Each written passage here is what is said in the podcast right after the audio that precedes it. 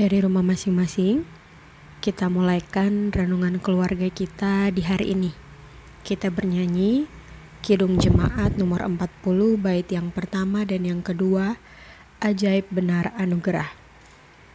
Ajaib benar anugerah Pembaru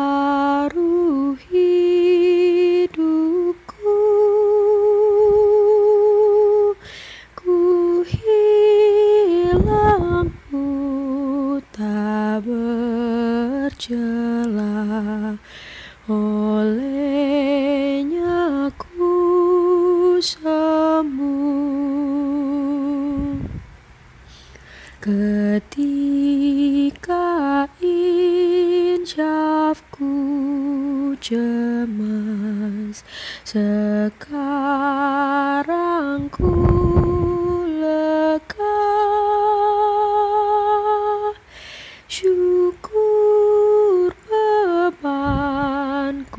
telah lepas Berkat anugerah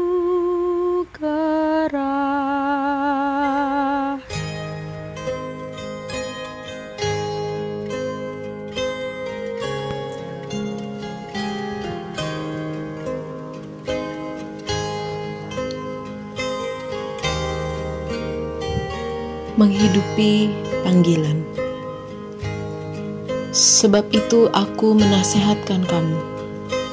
Aku, orang yang dipenjara karena Tuhan, supaya hidupmu sebagai orang-orang yang telah dipanggil berpadan dengan panggilan itu.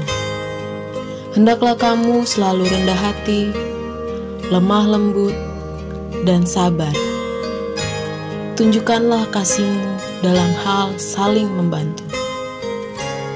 Efesus pasal keempat ayat 1 sampai 2 Apa arti hidupku?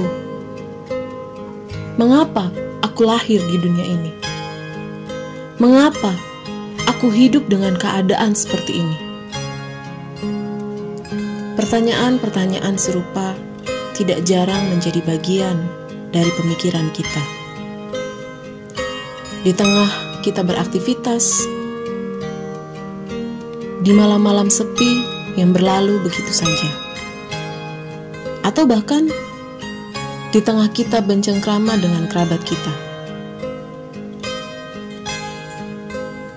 Semakin kita bertumbuh dewasa, kita menyadari bahwa segala sesuatu yang kita lakukan akan berlalu. Walaupun menanti dan menunggu adalah tantangan yang cukup sulit untuk dilalui.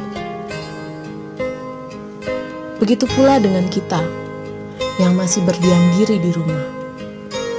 Menanti pandemi COVID-19 untuk segera berakhir. Namun, dalam situasi seperti ini, dapatkah kita melakukan hal yang bermakna? Tentu saja bisa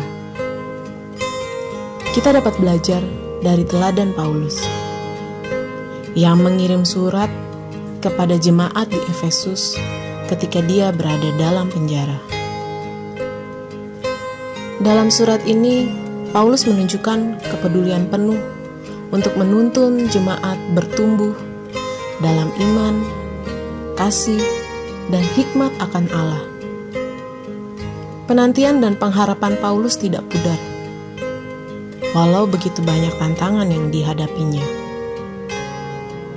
Dia menunjukkan dalam tulisan, bahkan dalam kehidupan yang dijalaninya, tentang bagaimana manusia menghidupi panggilan mereka. Menjalani kehidupan yang bermakna dengan mengasah diri menuju kerendahan hati, kelemah lembutan, dan kesabaran. Merupakan tindakan merespon panggilan Allah kepada kita. Di tengah pandemi yang dihadapi dunia, dewasa ini, sudahkah kita menghidupi panggilan kita dengan bersikap saling membantu? Sudahkah kita menyingkirkan ego kita dan bersikap peduli terhadap sesama?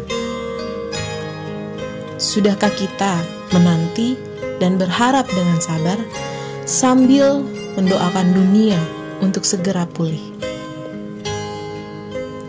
Semoga kehadiran Allah dapat tetap kita rasakan dalam keraguan dan tantangan yang dihadapi kita.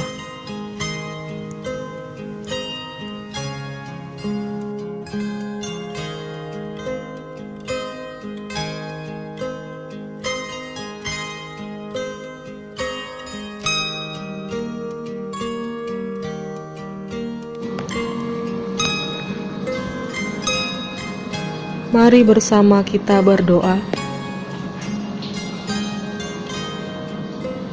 Ajarlah kami memahami kehidupan kami, ya Allah. Bukakanlah hati dan pikiran kami untuk tidak lelah menghidupi panggilan kami dalam kehidupan ini. Amin. Selamat berefleksi, Tuhan Yesus memberkati.